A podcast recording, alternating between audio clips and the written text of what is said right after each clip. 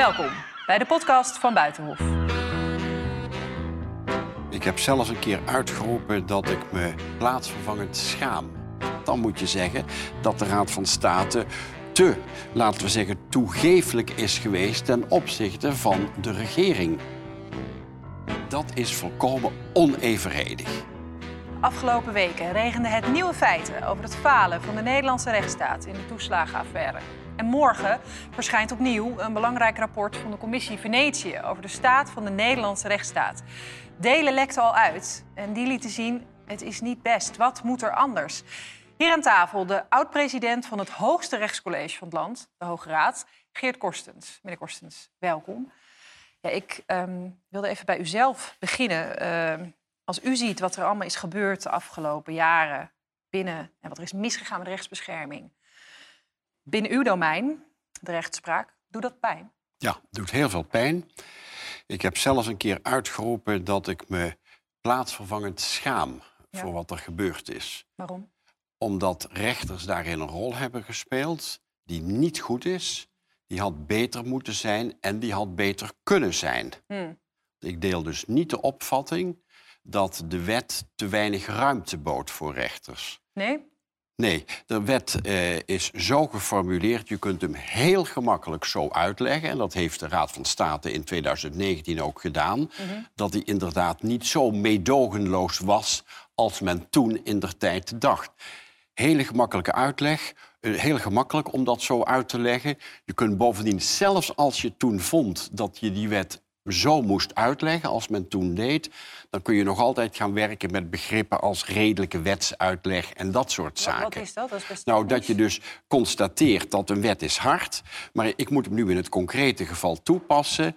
En dan vind ik toch dat dit tot hele slechte uitkomsten leidt. En dan ga ik werken met het begrip redelijke wetsuitleg en dan ga ik hem wat soepeler uitleggen. Dat had heel gemakkelijk Dat had gekund, zegt u. Had zeker gekund. Ja, want um, even voor de duidelijkheid, ik denk niet dat iedereen het weet. Ik wist het ook niet meteen. Als je in Nederland een conflict hebt met de overheid... Uh, beland je niet automatisch bij een gewone rechter... en uiteindelijk bij u, bij de Hoge Raad, maar bij de bestuursrechter... en dan eventueel uiteindelijk bij uh, de Raad van State. Ja. En is dat eigenlijk in dit geval opmerkelijk dat die, dat die route, dat, dat ze bij wijze van spreken niet bij u zijn beland? Ja, ik vind, ik vind het merkwaardig, eerlijk gezegd. De toeslagen die moeten worden uitgekeerd door de Belastingdienst. Mhm. En de Belastingdienst, dus de fiscus, eh, die valt normaliter onder rechtbank. Als je daar, daar niet mee eens bent, dan ga je naar de rechtbank toe, dan kun je naar een hof toe gaan, dan kun je naar de Hoge Raad toe gaan. Dus het had alleszins voor de hand gelegen dat dit traject ook in deze zaken was gevolgd. Juist omdat de uitvoerende instantie een instantie is die normaliter bij de gewone rechter komt. Ja, en waarom is dat nu niet gebeurd, denkt u? Ik weet niet waarom het niet is gebeurd. Het heeft misschien ermee te maken dat men dacht... ja, dan slaan we in ieder geval één instantie over. Dan komt, hoeft de, die derde rechter er mhm. niet aan te pas te komen. Dat zou op zichzelf kunnen, dat is mogelijk. Uh, maar men had ook bijvoorbeeld kunnen kiezen voor de sociale zekerheidsrechter. Had men mhm. ook kunnen kiezen. Het gaat om mensen sociale zekerheid geven. Dus ik begrijp niet waarom in dit geval... die naar mijn gevoel wat gekke weg is gevolgd...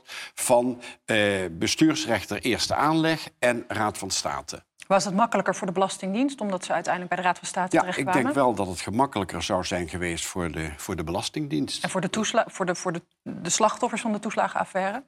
De slachtoffers van de toeslagaffaire die zijn er het slachtoffer van geworden. En die hadden daar mijn gevoel baat bij gehad dat deze zaken op een gewone manier, zoals ook bij elke inkomstenbelasting, loonbelasting, aanslag enzovoorts, gevolgd wordt. Eerst naar de rechtbank, dan naar het Hof en dan naar de Hoge Raad. En een eenvoudige wanprestatie, een aannemer komt zijn verplichtingen niet na, mhm. of een inbraak of een overval. Uh, ook als ze niet gecompliceerd zijn. Je gaat eerst naar de rechtbank, dan ga je naar het hmm. Hof... en dan kun je ook nog naar de Hoge Raad toe gaan. Ik begrijp niet waarom die weg hier niet gevolgd is. Uh, er zijn nu situaties ontstaan, dat bleek vorige week uit een rapport uh, van een slachtoffer dat terecht stond voor iets minder dan zeven, of, voor, sorry, voor 77 euro en 32 cent. Vervolgens 27.500 euro moest terugbetalen. Ja. Hoe kan dat?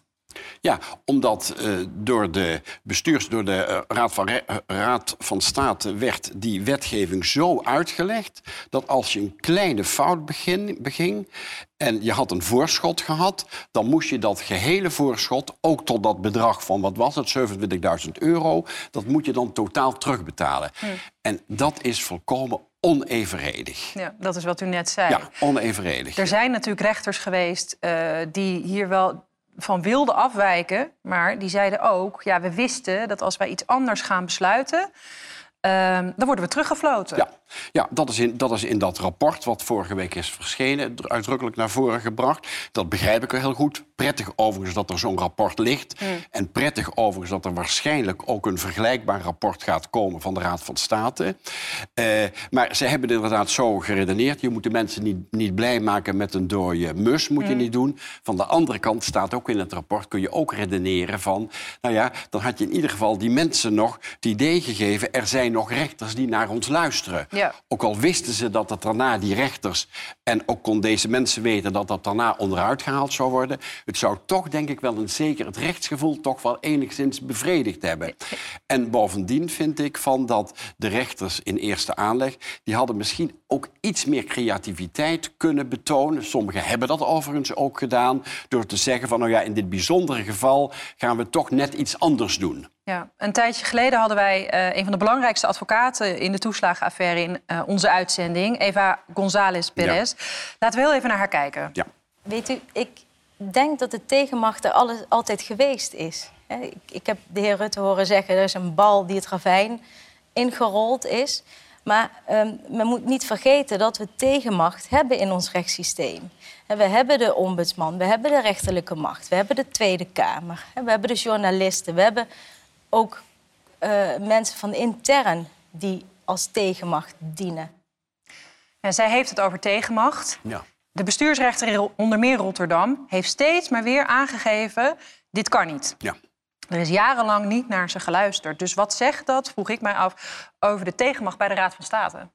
Ja, die is te gering geweest. Mm. Wat verwacht je van rechters? Die, van rechters verwacht je dat ze jou bescherming bieden.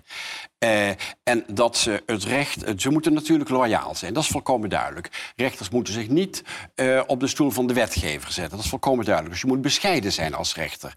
Maar van de andere kant moet je ook de durf hebben... je moet ook het lef hebben om als je moet constateren... bij deze uitleg van de wet komen mensen veel tekort. Mm. Dat hebben we gezien. Tienduizenden mensen zijn heel veel tekort gekomen. Dan moet je ingrijpen en dan moet je op een of andere manier... met creativiteit en met durf moet je proberen de mensen rechtvaardigheid tegenover de mensen te betrachten. Ja, en dat is nu niet gebeurd. Eh, de Raad van State is een orgaan dat zowel de, uh, de, de, de, regering adviseert mm als recht spreekt. Ja. Moet dat anders? Ja, naar mijn gevoel zou dat anders moeten. Er zijn ook plannen geweest, er zijn zelfs wetsvoorstellen geweest om dat te veranderen. Want het beeld blijft toch bestaan. Het is een instantie die hoogste adviseur van de regering is mhm. en die dan ook recht, rechtspraak moet bedrijven. En ik, ik vind het nog steeds heel moeilijk uit te leggen aan burgers dat die twee functies onder één dak worden uitgeoefend. Ik weet ook wel dat er een hele goede scheiding tussen beide, tussen mm. beide, beide onderdelen.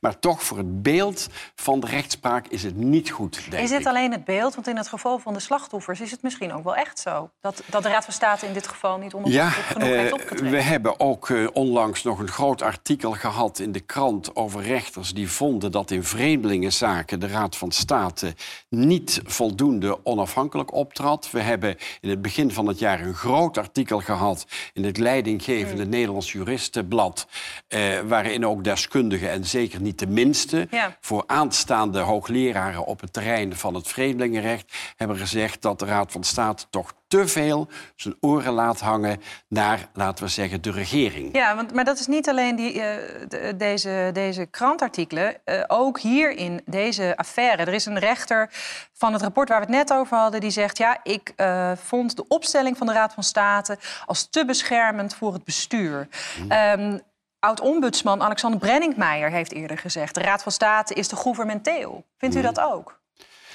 Ja, ik vind het moeilijk om daar een algemeen oordeel over te geven. Maar als ik dus kijk naar die twee net genoemde Hmm. publicaties... als ik ook kijk naar de toeslagenaffaire... dan moet je zeggen dat de Raad van State te, laten we zeggen, toegeeflijk is geweest... ten opzichte van de regering. Ja, ten koste van haar burgers. Ten koste, ten koste van, de, van de burgers. En nogmaals, het zou veel beter zijn als je in dit soort zaken de gewone weg wordt gevolgd.